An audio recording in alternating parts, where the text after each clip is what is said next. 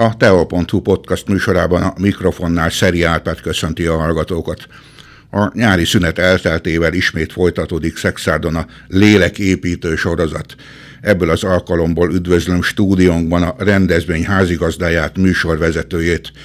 Régió ismerősöm lévén a beszélgetést tegeződve folytatjuk. Köszöntöm dr. Tóth Csabát, Szervusz Csaba! Áldás békességet, jó egészséget és kitartást kívánok minden hallgatónak, és szervusz Árpád! Kedves hallgatóink, hadd kezdjem műsorunkat egy több mint fél évszázaddal ezelőtti életképpel. Máig előttem van egy kisportolt és vakmerő első osztályos gimnazista, aki Szexárdon a Kálvin téri templom legtetejére felmászva, szédítő magasságban, a bádok borításba kapaszkodva kívülről járta körül a tornyot. Remélem Csaba nem haragszol meg egy életre, hogy ezt a számomra máig hideglelést okozó mozzanatot megosztottam a hallgatókkal, hiszen ez a kamasz srác te magad voltál, a szemtanú pedig én, Csaba. Miként is kerültél a Kálvin téri templom tornyára. Olyan dolgokra emlékszel, ami, amik számomra természetesek voltak, és nem is emlékszem pontosan erre az esetre. Hozzá kell tegyem... Pedig meg volt. Édesapám református lelkipásztorként több gyülekezetet is megjárt, mi Harkányban is voltunk, és én ott kezdtem a, a templom tornyi kvázimódói pályafutásomat, mert tizenévesen, 70-es, 70-be, 71-be fölmászva a templomtoronyba összeszedtem a galambokat, és kivittem a piacra, és eladtam. A bátyám kapott egy nagy fülest valakitől, mert én kétszer adtam el a galambját, amit megvett, mert ugye a farktolla az kiszakadt, és aki megvette a galambot, az valahogy eleresztette, a galamb visszaszállt a toronyba, én újra összeszedtem, és újra eladtam a harkányi piacon, és a harkányi eh, templom torony oldalára rakott gólyafészekbe is kiültünk annak idején, természetesen szüleink és mindenkinek a rémületére, de azért mindig volt annyi eh, eszem, hogy eh, vastag harangkötéllel biztosítottam magamat, hogyha véletlenül bármi lenne, akkor vissza tudjak mászni. És ezen, ezen akrobata indítatásaidat folytattad akkor a Szexárdon is, mert ide helyezték édesapádat. Ide helyezték édesapámat a templom tövében, a Szexárdi parókián, Kálvin téren ö, volt, nőttem fel, ifjúságomat itt töltöttem, és még hozzá tartozik, hogy hát szegény az eklézsia, maga harangozik a pap, mondják. Hát nálunk az a felosztás volt, hogy édesanyám elvégezte a kántorképző tanfolyamot, és akkor sokszor így mutatkoztam be, hogy sziasztok, apám pap, anyám kántor, én vagyok a harangozó. Mert hogy valóban nem volt már harkányban sem harangozó, és... Ekkor még nem volt automata gépezet, ami még ne, hát megszólaltatta voltak, volna. csak a nagyon kiemelt gyülekezetekbe, és hát mindenhol harangozni kellett, volt, ahol e, Szexárdon például, egészen föl kellett menni a harangig, és ott kellett a hatmázsást, meg a négymázsást egyszerre sokszor megszólaltatni, úgyhogy lehet, hogy a nagyot hallásom ennek is köszönhető egy picit. Aki először halljanak, az nem igazán kellemes élmény, mert iszonyatos hangerővel szólalnak meg a harangok. Igen, igen, igen. Az az helyzet, hogy én azért örültem ennek a beosztásnak, mert egyrészt enyém volt a torony, és ez egy olyan bunkernek éreztem, hogy, hogy ebben otthon voltam, ott olvastam a Monte Cristo grófiát két harangozás között, oda kellett figyeljek, hogy el ne csúszszak az idővel, mert annyira lekötött az olvasmány, de egyébként ez nekem bevételi forrás is volt, és én is majdnem úgy jártam, mint a sírásó, amikor azt mondja, hogy jó, megyek délután a, a buliba, ha csak be nem ugrik egy hulla. Hát én is, mivel ez egy állás is volt, úgymond, volt, hogy az iskolából kellett el, elkéretőzzek még általános iskolába, Babics isko, általános iskolából, és hát valljuk be, hogy abban az időben, a 70-es években ezért némi rosszallással néztek rám a tanárok, hogy én elkéretőzök óráról, mert harangozni kell menni. Úttörő foglalkozás helyette harangozol. Igen, igen, de mondjuk hála Istennek, mivel mindenki tudta, hogy református lelkipásztor az édesapám, ezt tulajdonképpen természetesnek is vették valamilyen szinten.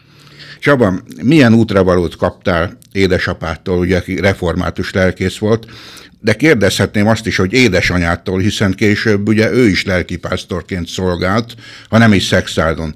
Profán módon feltéve a kérdést, nyakas kálvinista lettél?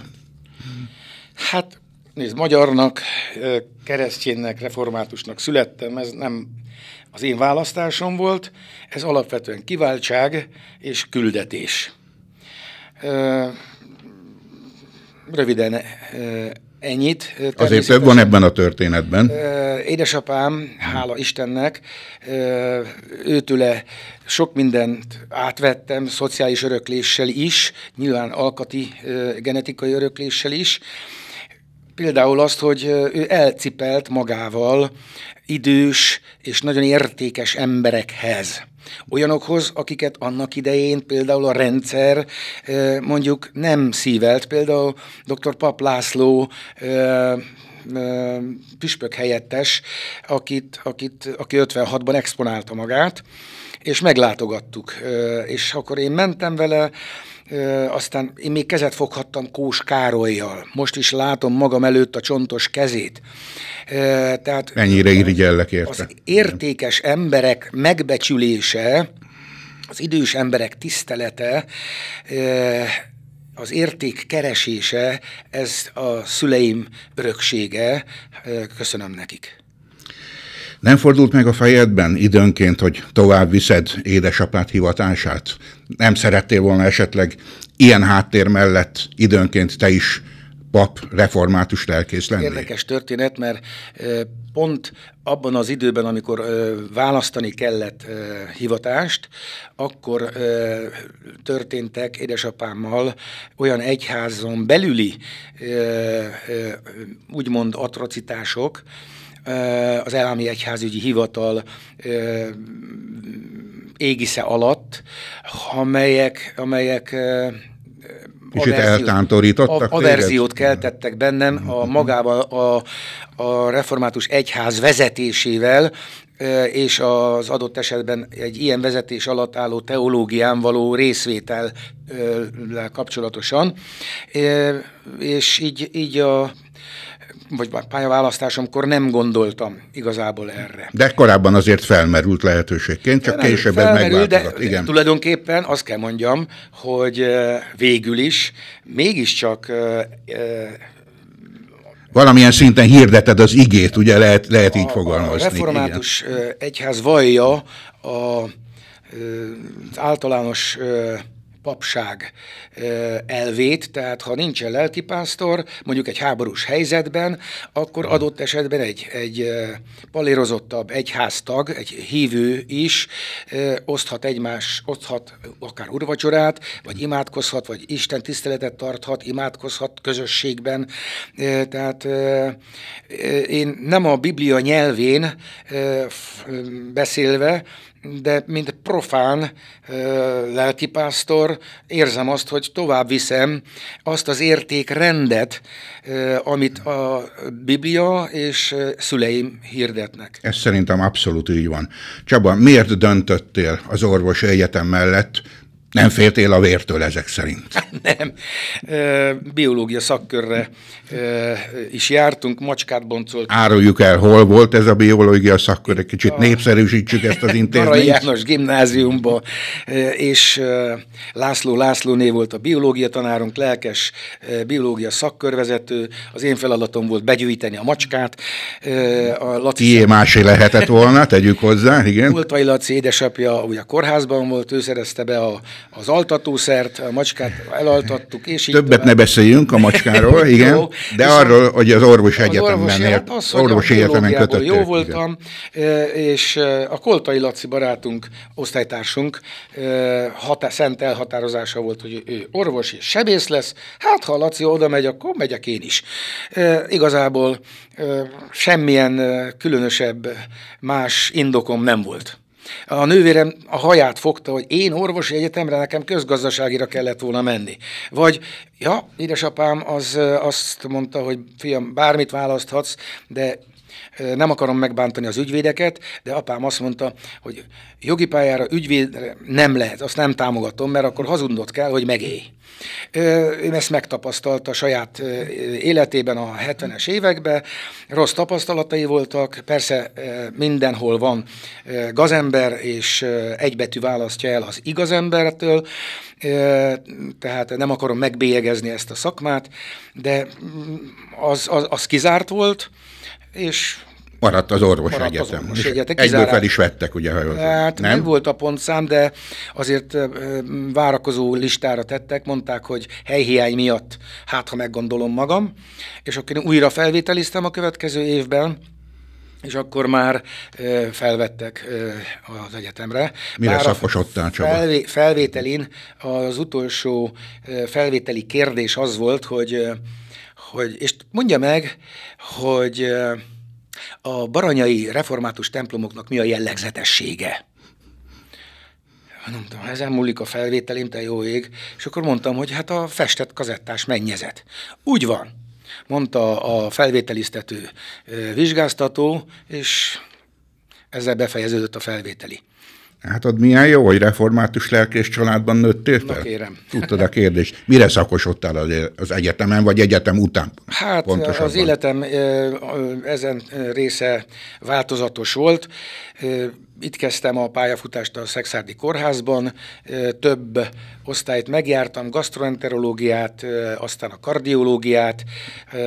Az élet úgy hozta, hogy valahogy megfordult a, az orvosi karrierhez való hozzáállásom, és én fizetés nélkül szabadságot kivéve elkezdtem építkezni. Én kényszer ez a rendszerváltáskor volt, kényszer építkezni, nem kényszer vállalkozó, kényszer építkező lettem, mert úgy hallottam, hogy az a 4 százalékos, annó 4 százalékos 30 évre felvehető fix kamatozású állami hitel meg fog szűnni december 31-el, és akkor hanyat homlok bele menekültem egy építkezésbe, amire nem voltam sem anyagilag, sem szakmailag semmilyen szinten felkészülve, és hát ezért ki kellett vennem fizetés nélküli szabadságot, kétszer fél évet, ami hát megint a, a, az orvosi körökben bizonyos fokig kiverte a biztosítékot, és volt, aki üvöltött velem, hogy, hogy hogy képzelem ezt, de hát alanyi jogon járt.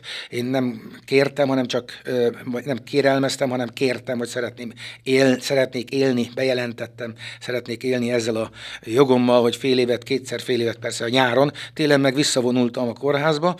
Na így aztán a sorsom az lett, hogy helyettesként elküldtek palánkra, elküldtek a tüdőosztályra, elküldtek, ahol hiány szakma, a hiány volt az orvosban. Nem biztos, hogy ez rossz volt és ez olyan szempontból jó volt, hogy beleláttam, három-négy hónap alatt beleláttam abba a rutinba, amit igazából el lehetett sajátítani ennyi idő alatt ezeken az osztályokon, és nem csak egy szakterületen volt és van bizonyos fokú ismeretem, hanem több szakterületről.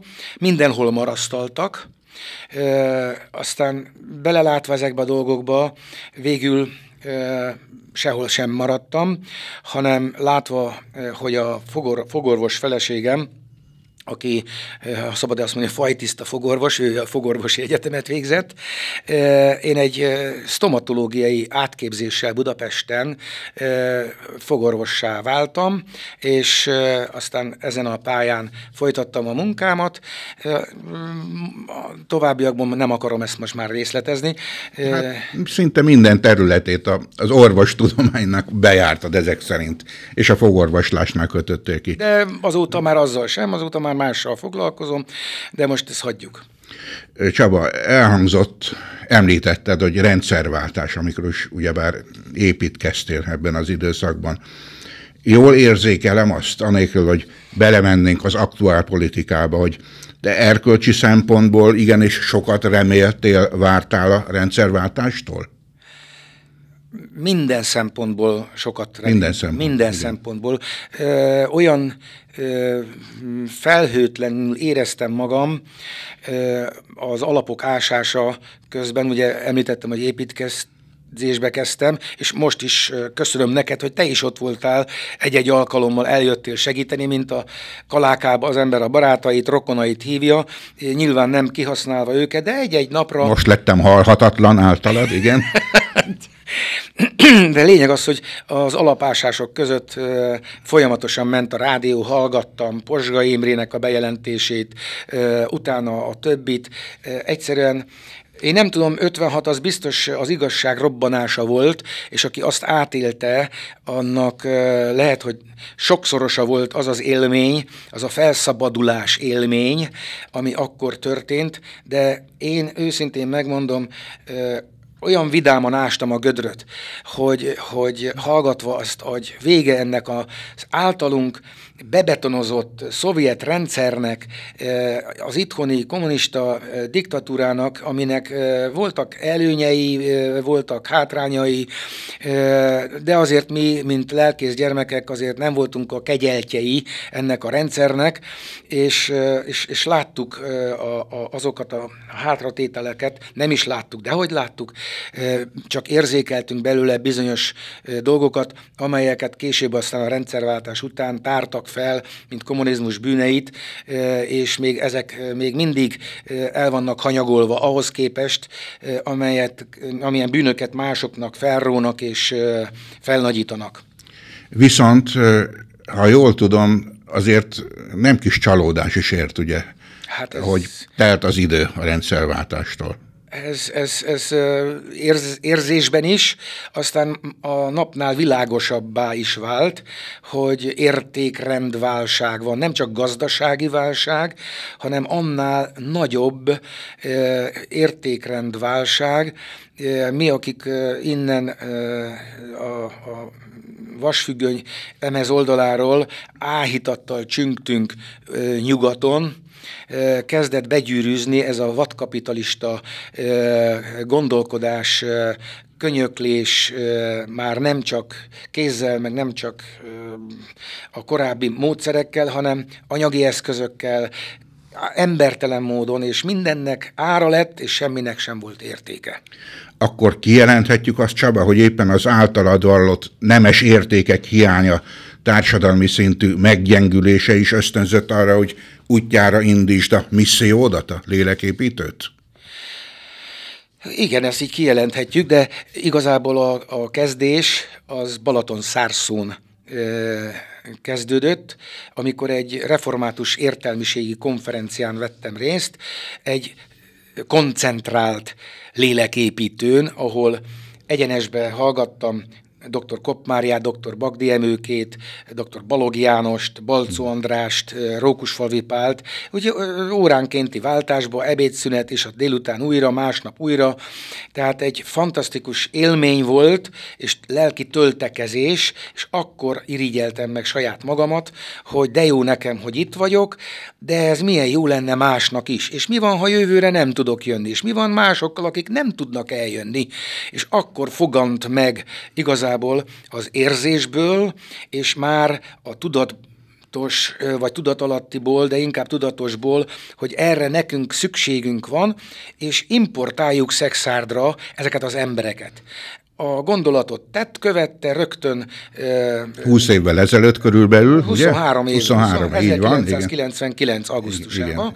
Koppmáriához oda mentem, Bagdi Emőkével már korábbról volt kapcsolatom, és a többi mindenkivel ö, ö, kapcsolatot kerestem, és nem is tudom, hogy mertem mondani azt, hogy meghívom őket szexádra, eljönnének-e. Mindenki ja. igent mondott. Egyébként valóban rangos népsorral büszkélkedhetsz, már ami az előadásokat tartó vendégeidet illeti felsoroltál jó néhány nevet, mindegyik jól ismert személyiség határon innen és túl is, de ezzel együtt van néhány olyan vendéged, akik jelenlétére kivált képbe büszke vagy? Kiket sorolnál az igazán nagy trófeák közé? Hát a vadászok gyűjtik a trófeákat. Én nem vagyok vadász, én a minőséget kerestem mindig és a minőség azáltal, hogy van, győz, ahogy mondja német László, és a közel 200, 180-200 ember közül, hát több mint 20 már felülről hallgatja ezt a podcast majd, és nem lenne ildomos kiemelnem, mert mindegyik hungarikum a maga nemében, és ha mégis kellene valamit mondanom erre a kérdésre, akkor egyrészt dr. Hegedűs Lóránt személye, akit ha én korábban ismerek meg, akkor lehet, hogy tényleg lelkészi pályára megyek, de pont az érettségi táján kezdtem megismerni közelebbről, őt hidason, és onnantól kezdve gyakorlatilag, amíg el nem költöztek, de még ki, utána is majdnem minden vasárnap biciklivel, stoppal, busszal, motorkerékpárral, mivel, hogy, de majdnem minden vasárnap kimentem Hidasra meghallgatni Hegedűs Lórántnak a beszédeit, mert ezek intellektuális, hitbeli és olyan lelki élmények voltak, és feltöltekezések voltak, amelyek meghatározták a későbbi pályafutásomat, és nem véletlenül, hogy ő az, akit hatszor is meghívtam, és mindig el is jött nagyon szívesen. Őt talán így tudnám kiemelni. Másrészt a kárpátaljai Credo együttest, akivel kötött barátságunk után megadatott számomra az, hogy több mint 100-150 koncertet tudtam szervezni a Kárpát hazában a Credo együttesnek, akik önmagukban a létükkel egy missziót jelentenek. Visszatérő vendégeid voltak, ugye bár Igen, és remélem még van. ebben az évben is évvégén vendégeim lehetnek. Miután figyelemmel kísérem a sorozatot, azt azért nyugtázhatjuk, hogy a vendégek gyakorta a nemzeti konzervatív oldalt képviselik, vagy olyan személyiségek, akiket ezen táborba tartozónak vélnek sokan. Ugyanakkor a dolgokat ebből a szemszögből nézve okoztál már meglepetéseket is. Gondolok itt például Egri Jánosra, vagy még inkább Szinetár Miklósra. Milyen volt a visszhangja ezen műsoraidnak? Hála Istennek, hogy, hogy nem politikai meggyőződés alapon választom az embereket, hanem értékrend alapján, és persze ebben lehet némi eltérés, de például Szinetár Miklósnak a Tudományos Akadémián elmondott székfoglaló beszéde, az annyira megragadó volt, és amit az unokáinak küldött tizenvalány pontban, mint quintessencia. Úgy gondoltam, hogy ezzel én is tudok azonosulni, és egyébként pedig vallom Hegedűs Lóránt mondata, hogy a világ az Isten órája, amiben a hátrafelé forgó kerekek is előre viszik az óra mutatóját. Tehát, hogy ki előrefelé forgó kerék, vagy ki éppen hátraforgó kerék, ilyen szempontból mindegy, de ennek a, a, a, a világ, az Isten órájában része van, és ha minőséget képvisel, akkor, akkor helye van a léleképítőn, úgy gondolom, és ők is előre vitték, és viszik az óra mutatóját. Miképpen tudod elérni azt, hogy ezek az amúgy általában elfoglalt személyiségek idejüket nem kímélve eljöjjenek szexádra. Mivel tudod ide csábítani őket?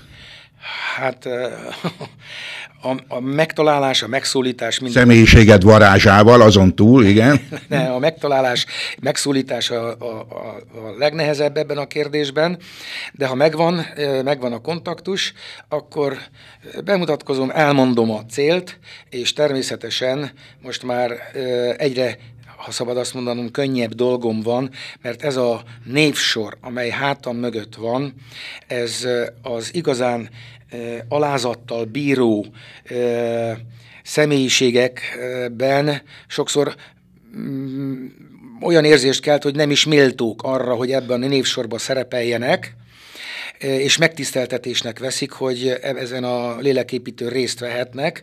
Magyarán rangot jelent részt venni Én a rendezvényeden. Gondolom, hogy pontosan azért, mert a minőséget nem adtam alább, és magasra tettem a lécet, és ezt szeretném tartani, ezért valóban nem túl nehéz meg nyerni a, a, a, az illetőket, időpontegyeztetés, elfoglaltság, kor, tehát sok minden közre játszik, de azt kell mondjam, hogy, hogy nem ez a legnehezebb.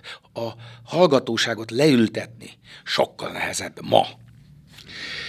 Egyébként előfordult már, hogy a legnagyobb jó szándék melletti próbálkozásod ellenére sem sikerült valakit ide csábítani? Volt ilyen vendég? Ja, vagy aki nemet mondott volna? Vagy aki nemet mondott volna, igen. Olyan nem volt. Nem volt. Na. Olyan volt, akinek én mondtam nemet, mert nem akarok nevet mondani, de 300 plusz áfa, tehát 300 ezer plusz áfa, és nem vehetjük fel. Magyarul, aki oda eljön, meghallgatja, ki van fizetve az ügy, és el van felejtve a szó, elszáll, nincs nyoma, erre én nem tudok ennyi pénzt mozgósítani. A másik az ennél még úgymond durvább volt. Cifrább, igen. Csak a menedzserig jutottam el, egy egyébként nagyon intelligens, nagyon szerethető olimpiai bajnokunk, többszörös olimpiai bajnokunk nevet hadd nem mondjak, csak a menedzserig jutottam el, aki azt mondta, hogy 3000 euró per óra megvárjuk, amíg nem lesz ilyen kelendő, és mivel fiatal, majd hogyha megérjük, akkor lehet, hogy rangot jelent számára is eljönni ebbe a sorozatba. 23 évig ment eddig, remélem, ha az Isten megadja, akkor még 20 évig megy, meglátjuk. Ja, és még két esetet hadd említsek, amikor nem én mondtam nemet, nem ők mondtak nemet, hanem úgymond a sors szólt közbe. Az egyik az fatálisan szinte, most Babics Mihálynak a Csillag után című verse jut eszemben, eszembe, amikor kilép gondolatban, és csillag után akar menni, ugye a Krisztusi csillag után, és nagy nehézségek árán mire odaér hozzá, addigra már Krisztus a fán függ, és már csak a keserű mirhájával a lábát törölgetheti. Hát így jártam Sinkovics Imrével, amikor őt megkerestem, és mondtam, hogy hívom, átölelt, azt mondta, édes fiam, jövök. De mire aktualizálhattuk volna, már meghalt. A másik, ez pedig az idén volt, illetve tavaly decemberben kezdődött, amikor Revicki Gábort kerestem meg, és hát a nagy elfoglaltságai miatt, ugye a felvételek, a forgatások miatt nagyon nehéz volt időpontot egyeztetni, úgy volt, hogy januárban jön, és addigra kiderült, hogy komoly beteg, és innen is kívánunk neki gyógyulást, és remélem, hogy őt még azért vendégül láthatjuk Szexárdon. Tehát ez a négy eset, amit így el tudok így mondani. Beszélj, légy szíves néhány mondatot, hogy mi történik az előadások után. A vendégeid általában egy kicsit még maradnak. Igen, ezek nagyon hálás vagyok azoknak, akik ebben segítenek. Először is a hozzám legközelebb állók, a családom, a párom, akik, akik ebben segítettek, mert eleinte a vendégek, amikor jöttek, utána nálunk vacsoráztak, volt, hogy nálunk aludtak. Azután később bekapcsolódott Takler Ferenc ebbe a dologba, és ő segített abban, hogy meghívja a vendéget, és még hozzá jó pár kedves barátot. És akkor így kialakult a léleképítő utáni beszélgetős, vacsorás, boros este. Egy kis léleképítő plusz, plusz ugye? Így van, amikor sokszor érdekesebb dolgok hangzottak el, mint az előadáson, és hát azért valóban voltak olyan történetek, amelyek felemelőek voltak. Például Rost Andrea Eszterbauer Jancsi pincészetébe, ott lent abban a gyönyörű részbe megszólaltatta gyönyörűen csengő hangját, ott énekelt, de volt olyan is, hogy mondjuk például Szinetár Miklós, amikor a sok jó bort megkóstolván a legnagyobbhoz jutottunk, akkor hát mikrofont nem tűrő hangon azt mondta, hogy ez a bor, de jó hát mindenkinek kikerekedett a szeme, hogy persze már jó hangulatban ilyet mond Szinetár Miklós, de ezzel jelezte. Ott és akkor belefért ott azért. és akkor természetesen belefért, és ez büszkeséggel is töltötte el Eszter bar- János barátomat, aki szintén a segítségünkre van a léleképítőben, ugyanúgy, mint harcról Diófa, vezet, Diófa Csárda vezetője Nagy Lajos, És hát még egyet hadd meséljek el, szintén Eszterbauer Jánosnál volt, hogy Balázs Pétert, amikor meghívtuk, akkor kakaspörkölt volt a vacsora, nagyon finom, hát Na, és Balázs Péter azt mondta, hogy ha a kakas nem esz meg engem, én nem eszem meg a kakast. Hát le voltunk forrázva, nyilván valami mást kapott vacsorára. Hadd idézzek lapunk 2000. március 14 számából, ez akárhogy is számolom, 23 évvel ezelőtt volt, ekkor egy ifjú orvos azt nyilatkozta vele készült interjúban, idézem, szükségünk van lelki építkezésre, értékrend felmutatására, talán sokkal jobban, mint bármikor is korábban. Tudod, hogy ki készítette ezt az interjút, és kivel? Hát valószínűleg velem, és valószínűleg te. Tehát akárhogy is nézem, egyszerűen megkerülhetetlen személyiség vagy, mert most is itt ülsz a stúdiónkban. Nos, mennyire időszerű napjainkban a közel negyed százada megfogalmazott óhajott kívánalmad, Persze a kérdésem részben költői, hiszen léleképítő ma is van, tehát kell, hogy legyen időszerűsége a gondolatodnak. Hát amit akkor éreztem, hogy szükséges, és mennyire aktuális, az szerintem ma még aktuálisabb, mint valaha, és ahogy haladunk időben előre, szerintem itt a mesterséges intelligencia előtt állunk, még aktuálisabb lesz, mert tudni a tudomány, amely fejlődik irgalmatlan sebességgel, az ad ismeretet, de nem ad lelki ismeretet. És ha lelki ismeret nélkül van kezemben a tudás, az veszélyesebb, mintha buta lennék, és nem értenék semmihez. Erre a történelem számos bizonyítékot szolgáltatott már egyébként. Csaba, tehát léleképítő volt, van és lesz, akkor legyen ez most itt a reklám helye, legközelebb hol, mikor és kivel. Hát ez a volt van és lesz, ez, ez a Jóisten kezében van, kegyelemből élünk, meglátjuk, hogy hogy lesz, de szeptember 25-én, ha hát megéljük, most hétfőn, dr. Horváth Lugosi Gábort hívtam meg, a Magyarság Kutató Intézet, most már úgy kell mondjam, volt főigazgatóját, de aki 2019 óta mostanáig, illetve tavaszig szerintem nagyon nagy sebességgel, nagyon nagy elánnal, nagyon-nagyon jó eredményekkel vezette ezt az intézetet, legalábbis kívülről látva, és hát kíváncsiak vagyunk az eredményekre, és igenis nagy igény van arra, hogy, hogy tudjuk azt, hogy honnan jöttünk, kik vagyunk. Obrusánszki Borbálának nagyon örvendek, hogy ott van, ahol van, és, és az a Magyarság Kutató Intézet, a Hunyadiak, a Abba Sámuel, tehát hogy mondjam, a történelmünk, a gyökerünk, ez, ez egy nagyon fontos dolog, és hát ezért is hívtam meg. Mindenkit szeretettel várunk a Garai János Gimnázium dísztermébe, belépés díjtalan, mint mindig, este 6 órára, tehát 25-én hétfőn. Viszont én nem tudom kihagyni a poént, mindig hozzá szoktat tenni, hogy belépés díjtalan, de kilépés bizonytalan. Így van.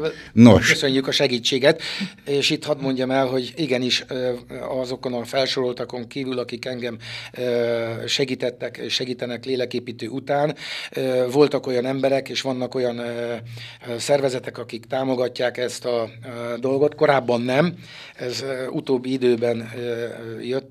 Először is hadd említsem meg Sándor Józsefet, sárospataki diákot, aki ismeretlenül ö, ö, támogatott, és egy, egy nagyon rövid személyes beszélgetés után adott egy nagy indítást, aztán pedig a Polgári Magyarországért alapítvány, illetve a Betlen Gábor alapkezelő ZRT segítségével Gulyás Gergely élőhitű református miniszterünk segítség közbejárásával és segítségével, amit innen is köszönök. És aki pedig valamilyen oknál fogva nem tudna elmenni az előadásra, lemaradna róla, ne keseredjen el, mert pár nappal később már fel is kerül az előadás a legnagyobb videó megosztóra. Hát e, igen, ez valóban így van, és e, ez talán azt kell mondjam, hogy negatív reklám nekünk, hogy otthonról is meg lehet nézni a fotelből, sőt, élőben is közvetítjük, és itt köszönetet kell mondjak Farkas Jánosnak és Icának, akik mindezt segítik és teszik, de ez inkább annak szól, hogy aki nem tud térben, időben, egészségi okok miatt, vagy bármi más miatt, sőt határon túliak, és mindenhol, ahol magyar ember él, és a jövő generációjának, hogy ezek maradjanak meg, mert értékes ö, olyan dolgok, amelyek többre hivatottak, mint hogy pár száz ember meghallgassa, és utána eltűnjön. Ehhez hozzá kell tegyem, hogy a mai online világunk, ami szinte egyre online-nabb lesz, sokkal inkább igényli a személyes találkozást, és azt tudom mondani, hogy aki eljön, az biztos, hogy akkora élménnyel megy haza, amelyet a fotelből soha nem fog tudni átélni, mert mi emberek, kapcsolati emberek vagyunk, társas lények vagyunk, nekünk kapcsolatban kell lenni a föls, fölöttünk lévővel, nevezzem Istennek, bárminek, kapcsolatban kell legyünk saját magunkkal, és kapcsolatban kell, hogy legyünk egymással. És ez, az, ez a kapcsolat szegény világ, amelyre inspirálást kapunk, ezt próbálom egyensúlyozni azzal, hogy meghívom személyesen ide, és ha, már mondtad, hogy volt, van és lesz léleképítő, addig lesz, amíg eljönnek az emberek. Én nem fogok online léleképítőt tartani, ide hívok valakit, és a kamera elé ültetem, és holnap megnézheti bárki. Tehát kérek mindenkit, hogy akarja, hogy legyen léleképítő, és megteheti, jöjjön. Eddig azért elmentek az emberek szép számmal, és reméljük, hogy így lesz a jövőben is. Köszönöm szépen, Csaba, hogy elfogadtad a meghívást. Nekem volt megtiszteltetés, és még egyszer mindenkit várok szeretettel. Áldás békesség, viszontlátásra, viszonthallásra.